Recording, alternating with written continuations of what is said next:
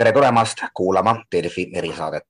mina olen Eesti Päevalehe ajakirjanik Krister Paris ja mul on teisel pool Zoomi liini ka ajakirjanik, hea kolleeg Anton Aleksejev Eesti Rahvusringhäälingust, kes asub praegu Jerevanis ning on läinud sinna vaatlema valimisi. võib-olla meid harilikult ühed Armeenia valimised üldsegi ei huvitakski, kui nad on erakorralised, nad järgnevad sõjale Aserbaidžaaniga Mägi-Karabahhi pärast, mida, mida Armeenia tegelikult kaotas ja see võib olla kaalul päris palju. kõigepealt Anton, noh, meid siin Eestis on nüüd tabanud selline Aafrikast tulnud kuumalaine, mis kannab uhket isegi nime Zoe ehk siis eesti keeles võib isegi kirjutada kui, kui soe. et kuidas, kuidas Armeenias on? Armeenias on äh, täitsa tavaline, mm, tavaline ilm, äh, nii nagu see siin äh, suvel juunis peabki olema ehk päeval on väljas umbes kolmkümmend kuus, kolmkümmend seitse. öösiti läheb külmemaks, noh, isegi alla kolmekümne kuidas need rahva meeleolud on, et, et ikkagi räägitakse, et Kaukaasia rahvad sellised on noh, hingelt, hingelt kuumad ja noh, praegu selles olukorras pidada valimisi kohe pärast seda, kui oled sõjas lüüa saanud, et mis, mis meeleolu hetkeks on siis? meeleolu on siin, mina ütleks, et mulle tundub, et üsna depressiivne on küll inimesed ja suur osa ühiskonnast on tõesti polariseeritud ja ühiskond võib öelda, et lõhestatud, aga ma kohe tahan öelda, et äh, umbes pool valijaskonnast äh, ei osanud veel, kas nad üldse lähevad äh, valimiskastide juurde. Ehk neist aga, kes juba nagu poliitikast huvitatud, kes kavatsevad küll minna hääletama, nende seas on kaks suurt nagu liidri, üks on praegune peaminister või peaministri kohusetäitja, kui ametlikult öelda, Nikol Pašinjan ja tema rivaal on äh, siis äh, Robert Kotšerjan, äh, ekspresident ja ja nagu öeldakse, et suur Vladimir, Vladimir Putini suur sõber. Robert Kotšerjanist, kui ma mõtlen, et ta, ta on ju minu meelest selline mingi dinosaurus kuskilt kaugetest aegadest välja tulnud, et ilmselt oli paljud, ta on määritud mitmete korruptsiooniskandaalidega, ta üsnagi maha matnud ja nüüd on uuesti siis ikkagi taas poliitilisel küünel. absoluutselt, äh, ma tuletan meelde, et aastal kaks tuhat, kaks tuhat kaheksateist äh, Pašinjan tuli võimule just äh, see korruptsioonivastaste loosungitega ja mida ta hakkas tegema tegelikult, hakkas kinni eh, keerama kõik need kraanid, eh, kust voolas eh, Kotšarjani ja tema ümbruskonna, tema ringkonna mm, nii-öelda rahavool. vot ja see on küll natuke imelik, et just nüüd praegu Kotšarjan on jälle pildil, ta mõned uuringud annavad mingi noh, mingid protsent, protsendi detail, detailid, noh mingid protsendid annavad talle võidu isegi Pašinjani üle. no teisest küljest on ka imelik, ütleme nii, et, et Pašinjan kipub ikka võimule ja kipub jääda võimule, et vaatamata, et sõda, nagu sa ütlesid, juba oli kaotatud, ma tuletan meelde, et Winston Churchill näiteks pärast äh, Äh, teist maailmasõda Potsdami konverentsilt läks äh, kodumaale, et äh, osaleda valimistel ja ootamatult kaotas neid. ja vaatamata, et see oli peaminister, kes võitis sõda. siin on hoopis teine olukord, et sõda on kaotatud, aga eile ma käisin miitingul, ma nägin Pašinjani toetajate miitingut, no mis öelda, umbes kümme tuhat inimest, mis, see ei ole küll revolutsioon, aga see on ikka noh päris mm, hea toetus, vaatame, kui palju tuleb täna Robert Kotšerjani miitingule. et kuivõrd nüüd ikkagi peavad näiteks ka Kotšerjani toetaja või need, kes üldse Armeenia avalikkust tegelikult just nimelt noh, senist peaministrit Pašinjani süüdlaseks, et noh, nii palju, kui mina aru saan, siis kui see sõda käis, siis see, see nagu kaotus võis tulla ühiskonnale päris nii-öelda ootamatuna, et pigem ikka köeti üles ootusi, et noh, meie väed peavad kenasti vastu ja on küll raske, aga ikkagi midagi hullu ei ole. ja siis järsku tuli, tuli selline leping. ja ma olen juba kuulnud siin äh, Prušinjani nii-öelda vast, vastaste, vastastest sellest sõna, sõna, et see oli nelikümmend neli päeva see sõda, mil meile valetati pidevalt. Ja põhimõtteliselt see nii, nii ongi ja ühiskond siiamaani on šokis, inimesed ei saanud aru, kuidas meie nii vaprad armeenlased, nii tublid sõdurid ja koos Venemaaga, et Venemaa on ikka Armeenia suur liitlane ja kuidas meie saime sõja kaotada aga ikka see juhtus ja praegu ühiskond otsib neid, kes on süüdi selles. Ja samuti nagu noh, kõige lihtsam on muidugi süüdistada Pašinjani, aga Pašinjani leer näiteks süüdistab just Kotšarjani ja Serge Sargsjani ehk äh, endiseid presidente äh, selles, et see sõda oli kaotatud juba enne sõja algust, sest ähm, need, need endised riigijuhid varastasid äh, ja olid korruptandid ja just eh, nende tõttu, see on nende süü, et armee, et sõjavägi oli sellises, äh, sellises seisus. no ma saan ka aru, et, et näiteks eriti veel Kotšerjan, kes on ise Mägi-Karabahhist pärit, tegi ka kõik selleks, et kõikide nende varasemate aastakümnete jooksul ei oleks olnud võimalik mingisugune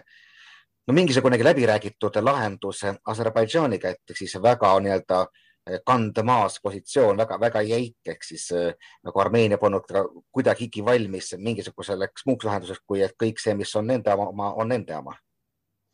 um,. ja, ja siin on ka, ka selline nüanss, et näiteks äh, kui me, kui ma ütlen sulle näiteks Minski grupp, siis tihti inimesed, me, kui kõlab midagi Minski grupp, siis mõeldakse kohe, segatakse vahele Minski protsessiga, Minski kokkuleppe, kokkuleppega, mis on, mis kirjeldab just nagu olukorda Ukrainas, Ida-Ukrainas, aga Minski grupp, mis pidi tegelema Mägi-Karabahhi äh, äh, reguleerimisega äh,, see, sellest Minski grupist me ei ole midagi kuulnud ja mm, peame ütlema, et äh, küll siin Armeenias äh, Äh, mõned politoloogid arvasid, et Minski grupp oli väga edukas, aga no mis edukas, et Aserbaidžaan tahtis oma maid tagasi ja see soov ei, ole kuskile kadunud, nagu me näeme. Ja peaaegu kolmekümne aasta jooksul Aserbaidžaan ei saanud Minski grupi abil mitte ühtki ruutmeetrit maad endale. Ja mm, mis siin salata, tegemist oli maadega nendega territooriumidega, mida Aserbaidžaan sai praegu kätte, vot selle viimase sõja tagajärjel. Need territooriumid olid ikka, mm, seal elasid aserbaidžaanlased, seal, seal oli väga vähe armeenlasi ja kui vot kuu alguses äh, mina ja Kristjan Svirten, meie operaator, me käisime mm, Aserbaidžaanis ja filmimas, siis äh, ja tõesti, seal olid absoluutselt tühjad territooriumid, et neid kasutati peaaegu nagu Äh, selline turvavöönd ümber Karabahhi. Ja seal, kus elasid kunagi tsiviilid, aserbaidžaanlased, seal enam ei, ei elanud keegi. Ehk armeenlased ei tulnud nende asemele, vot nende, nende kodudesse nii-öelda elama. Ah, no, nii et nii... kõik need sellised dramaatilised kaadrid, mida me ka nägime, kuidas armeenlased lahkuvad, panevad oma majad põlema, et see oli pigem sellised nagu üksikud ikkagi. Uh, Nad ei olnud üksikud, äh, no kui me võtame isegi vot lihtsalt Vikipeediat, siin kõige, iga osapool süüdistab teist nagu laimamises, valetamises ja nii edasi. kui me võtame Vikipeedia, mis ei ole muidugi autoriteetne allikas, me näeme, et äh, Mägi-Karabahhi vabariigi nii-öelda ja Mägi-Karabahhi vabariigi, Artsahhi vabariigi elanikkond oli umbes sada viiskümmend tuhat inimest ja neist umbes kaksteist, viisteist tuhat maksimum elasid väljaspool Karabahhi just vot sellest turvavöö, vot, vot nendest territooriumidel. Ja sii- ja need dramaatilised kaadrid, kuidas armeenlased panevad põlema oma maju ja põgenevad, siis seal on, on võimalik ka näha näiteks juba ammu põlenud majad. Ja need, need majad olid kunagi aserbaidžaanlaste oma ja need pandi põlema kolmkümmend aastat tagasi ehk nüüd me võime öelda, et karma on tõesti karm. niimoodi, aga vähemalt praegu ikkagi on sõjalise konflikti asemel me ikkagi räägime valimistest. ma saan aru, et seal on mingi väga huvitav valimissüsteem, et ehkki praegu on võib-olla kõige sellisemad võitluslikumad vali, valimised vist mingi üle kahekümne partei ja mitu plokki üritavad saada parlamendis kohti, siis tegelikult lõppkokkuvõttes moodustatakse Armeenias selline kahe jõu vaheline parlament, et tuleb veel parlamendivalimiste teine voor tõenäoliselt Äh, see pole välistatud, äh, see võib vabalt olla, kuigi äh, siin praegu valimissedelis on tõesti kakskümmend kuus osalejaid ja neist on kakskümmend kaks parteid, erakondi ja neli valimisliitu. tähendab, valimiskünnis neil on viis protsenti erakonna jaoks ja seitse protsenti ploki, ploki jaoks ja siis vaatame, et mis äh, saab, kindlasti saavad äh, parlamendi äh, Kotšarjan ja tema valimisliit Ajastan ehk Armeenia. ja siis saab ka Pašinjan ja teema valimisliit, äh, Graždanski dogovor, issand jumal, see on nagu kodanik, kodaniku kokkulepe. just. kodanikud lepivad kokku nagu omavahel no,, kodaniku kokkulepe ja pluss võib-olla veel mõned parteid, äh, sama vabariiklased, äh, Serge Sartsjani partei vabariiklased. no vaatame, et tegelikult siin seaduse järgi peab olema mm, vähemalt kolm nagu kolm jõud peab olema parlamendis. Ja tundub, et nii see nii lähebki. Aga teine, teine asi, et kuidas nad moodustavad koalitsiooni. Et äh, me praegu nägime, kuidas äh, see protsess äh, väga keeruliselt läks Iisraelis. Ja no siin võib olla midagi, midagi taolist ja mm, ühiskond on lõhestatud ja poliit, poliitilised, poliitilised jõud on mm, lõhestatud ka omavahel. Ja näiteks enamus poliiti, poliitikutest absoluutselt nagu vältivad kõik kõik võimalused, nagu nad, nad ei saa nagu kokku leppida selle Pašinjani võiduga, et nagu noh, kes on niisugune Pašinjan nagu kaotas sõda, reetur ja nii edasi. Ja nii, et kui Pašinjani on vaja mm, moodustada koalitsiooni, siis see läheb väga keeruliseks tema jaoks. Artur, kuidas, kuidas nüüd armeenlased vaatavad Venemaa rollile, nagu sa ütlesid, et oli ikka tunne, et noh, me oleme ju koos Venemaaga ja võib-olla nii mõnigi uskus, et noh, Venemaa nii-öelda julgeolekugarantii laieneb ka, ka Karabahhile, noh, ametlikult ta seda ei teinud, aga siiski selline toetud tung võis olla. ja nüüd, et kuivõrd võib olla tunne, et aga meid veeti alt Moskva poolt uh,? no eile ma näiteks äh, rääkisin väga, mm, väga hea preestriga, Armeenia apostoliku kiriku preestriga. Äh, seda kirik äh, erinevalt näiteks Venemaa, Venemaast või Eestist, kirik siin mängib ikka suure rolli, seitsekümmend protsenti armeenlast äh, käivad regulaarselt, vähemalt kord kuus käivad kirikus ehk tegemist on jah, kristliku maaga, aga teema nagu kõik enne teda kõik räägivad, et Venemaa on suur sõber, et ilma Venemaata me ei saa, et Venemaa on meie julgeoleku garant ehk Venemaa on, on hea, okei okay., paned kaamera kinni, kõik ütlevad, et nüüd te, saa, te saate ju aru, et me ei saa kaamera ees seda öelda, aga tegelikult me oleme väga pettunud, et venelasi siin enam nii ei armasta, et no mis sõber see on, kes jättis sind hätta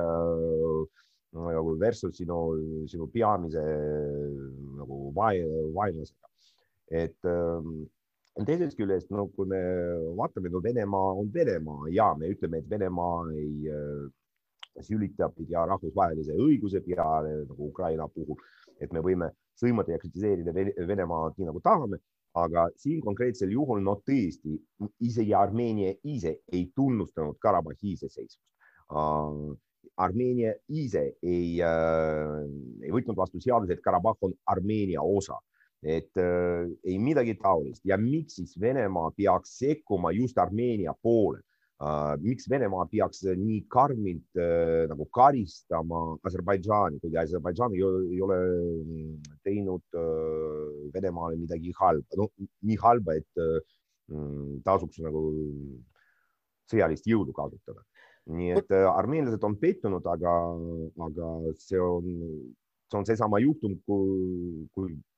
probleemi juur tuleb otsida enda sees, mitte, mitte kuskil naabrid. kuidas sa üldse nagu praegu ütleme Armeenia poliitikas näed, näed Venemaa rolli, et noh, Pašinjan ju üritas vahepeal ikkagi pigem nii-öelda võtta lääne kurssi ja noh, nii mõnigi ütleb, et see, see kõik, mis järgnes, võis natukene olla ka siis nii-öelda Moskva-poolne nips vastu, vastu, vastu, vastu sõrmi, aga, aga et jällegi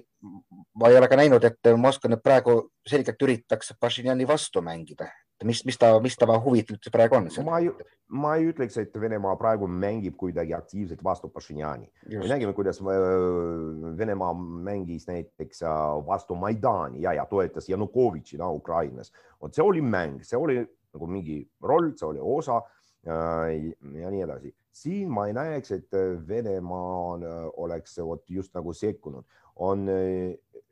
ametlik Venemaa seisukoht, et me hakkame töötama selle, selle valitsusega, mis Armeenia rahvas endale valib, et ei mingit probleemi. ja teisest küljest no on ilmselge, et siin Armeenias võib-olla midagi sellest valitsusest ikka noh, valitsuse koosseisust muidugi Äh, sõltub ja sõltub palju, see on ikka noh, vabariigi valitsus. teisest küljest äh, välispoliitilises äh, aspektis on ilmselge, et ükskõik, kes iganes oleks Armeenia eesotsas, see kolmepoolne vaherahulepe, mis on praegu, praeguse olukorra nagu alus, vot selle ei muutu keegi ja ei Venemaa ega Türgi ega Aserbaidžaan,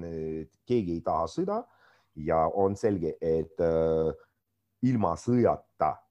need territooriumid, mida on kaotatud, tagasi ei saa, Aserbaidžaan ise neid ei anna ja miks ta peaks. ja siis, äh, et praegune olukord, olukord jää, jääbki selliseks ja vaatame, vaatamata, kes on äh, Armeenia eesotsas. ühesõnaga, tegelikult kui ma mõtlen selle peale, siis siis Armeenia on Venemaale nagu hästi nagu sobilik, nagu tore liitlane, vaata igaüks saab ju aru, et näiteks Valgevenes Aleksandr Lukašenka noh, ei ole legitiimne juht, noh, ma arvan, igaüks peaaegu saab aru, aga Armeenia puhul, kes on Venemaa orbiidil, on nagu tegelikult nagu ant, anti-Valgevene, et ta on selline siis eh, igal juhul nagu, nagu ma ei oska öelda, viigileht isegi võib-olla Venemaa jaoks, et näete, meil on ka täitsa ikkagi normaalseid riike, kes tahavad olla, olla sõbrad Venemaaga. kuidas sulle tundub no.? Väga võimalik, no siin Armeenia ongi Venemaa liitlane ametlikult ja Armeenia oli alati Venemaa liitlane. Muidugi Venemaale ei meeldi, kui uh, lääs näiteks Armeenia kaudu tuleb nagu siia Taga-Kaukaasia, Lõuna-Kaukaasiasse nagu maale ja et, et kõik nagu reverantsid, kõik kumma, kummardused nii-öelda lääne poole, no selle peale vaadatakse Moskvas ilmselt ilma, ilma suure optimismita. teisest küljest me näeme, kuidas äh, siin tegutseb Türgi ja, ja siis äh, ja mis Armeeniale jääb? Äh, Venemaa on Armeenia loomulik ja ajalooline liitlane ja ajalooline kaitsja. no vot nii see oli ja ma ei näe mingit põhjust, miks see peaks kuidagi muutma. kui tugeva sinu meelest praegu Armeenias demokraatia, noh, me meenutame, et ju kuidas kõik need valimised ka muuhulgas alguse said, et siis noh, armee juht on Ikas Barjan, no ma ei tea, kuivõrd ta esitas, esitas ultimaatumi presidendile, aga või peaministrile, aga igal juhul, et oli täitsa hirm, et tuleb äkki sõjaväeline riigipööre, ka, ka teised poliitikud on rääkinud, et ei tea, võib-olla valimiste asemel ikkagi pigem kodusõda. Või on nüüd nende, nende erakorraliste valimistega see pinge kuidagi maha võetud mulle tundub, et äh, pinge on maha võetud ja ma, ma ei tea, kas see, mis tujud nagu valitsevad, mis, äh, mis meeleolu on äh, sõjaväelastel, aga mm, on selge, et praegu ei mingit nagu riigipöörde siin oodata ikka ei tasu, et inimeste ja kui tugev on demokraatia no demokraatia on valimised tegelikult, demokraatia on protseduur ja ülehomme me juba näeme, kuidas see protseduur siin nagu toimib või ei toimi. aga mm, -hmm. ja ma tuletan meelde, et näiteks okei okay,, Kotšarjan ja Sargsjan ei olnud demokraadid, nad olid autoritaarsed ja nii edasi, aga samuti Pašinjan, ma ütleks, et tema käitub noh, oma, oma, oma kõnedes näiteks, tema käitub väga jõuliselt ja jätab selle ka nagu väikse diktaatori mulje. samuti revolutsioon, mille kaudu ta tuleb võimule kolm aastat tagasi, see ka ei ole eriti demokraatlik viis vahetada valitsust, selleks on tegelikult valimised ja juba siin ma juba kuulsin mitu korda, et tulevad võltsimised et äh, valimisi võltsitakse, sest äh, nii võimumeelsed kui ka võimuvastased jõud, kõik on veendunud, et nende rivaalid hakkavad midagi, midagi võltsima, kirjutama kõik numbrid ümber ja nii edasi. et no vaatame ja, ja juba kohtusaalid on juba valmis, et ja kohtunikud on juba valmis, et tulevad palju-palju kaebusi, no vaatame, kas tulevad või mitte ja, ja kui palju neid tuleb. Ja kui tähtsad on need mm, numbrid, need protsendid, mm, mille üle see vaidlus hakkab käima, aga praegu igal juhul on tunne, et ja ühiskond on lõhe, lõhestatud mingil määral, aga ma tuletan meelde, et umbes viiskümmend protsenti elanikkonnast ei ole veel üldse otsustanud, kas nad lähevad üldse valima. See on jah oluline oluline märk sellest, kui palju üldse demokraatiasse usutakse. ma lõpetaks, võtaks kuidagi lõpetuseks ühe sellise kergemat teema, et, et eh, küllap noh, ma ei tea, meie enda kolleeg, kes ka veel seal veel enne seda sõda, suuremat sõda käis, Mägi-Karabahhis, ütles, et tahab kindlasti sinna kunagi tagasi minna, et niivõrd kena ja tore koht on ja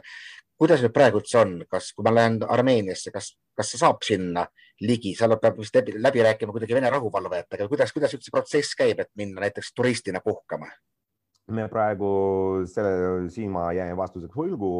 sest äh, vot kuidas turistina minna, ma ei tea uh,. selge on see, et ilma mm,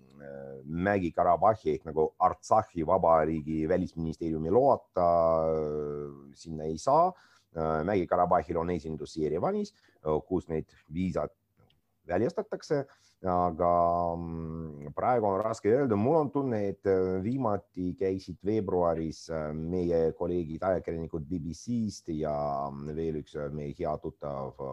kolleeg Hispaaniast, Pablo Gonzalez, ka ajakirjanik. Mm, vot neil, neil õnnestus ikka minna ja see oli veebruaris, siis ei olnud ilmselt kõik need reeglid nagu noh, paigas nüüd need reeglid paigas on ja taotleda küll võib, kas saavad välismaalased äh, sinna või ei saa, noh, raske öelda. viimaks veel, Anton, kuidas seal on koroonaga, kas armeenlased veel maske kannavad? absoluutselt ei näe siin mitte, mitte ühtki maski tegelikult, ei mingit piirangut, kõik on lahti nagu keegi väga imelik, sest just vot praegu ma olen Jerevanis, vot just Jerevanis äh, oktoobris äh, mul ilmusidki esimesed nagu koroonasümptomid ja ma elan praegu samas hotellis kui, kui tol ajal. Ja no natuke imelik, et keegi ei kanna siin maski ja iga kord, kui näen oma vaktsineerimissertifikaadi, mõtlen, et no ikka tore, tore asi see vaktsiin igaks juhuks, sest siin ei ole ei, ei mingit distantsi, ei mingit piirangut, ei mingi kaks pluss kaks pluss kaks ja muidugi ja üht, mitte ühtki maski suur aitäh, Anton Aleksejev, Eesti Rahvusringhäälingu korrespondent, kes on praegu Jerevanis. mina olen Eesti Päevalehe ajakirjanik Krister Paris ja jälle kuulmiseni siis uutes erisaadetes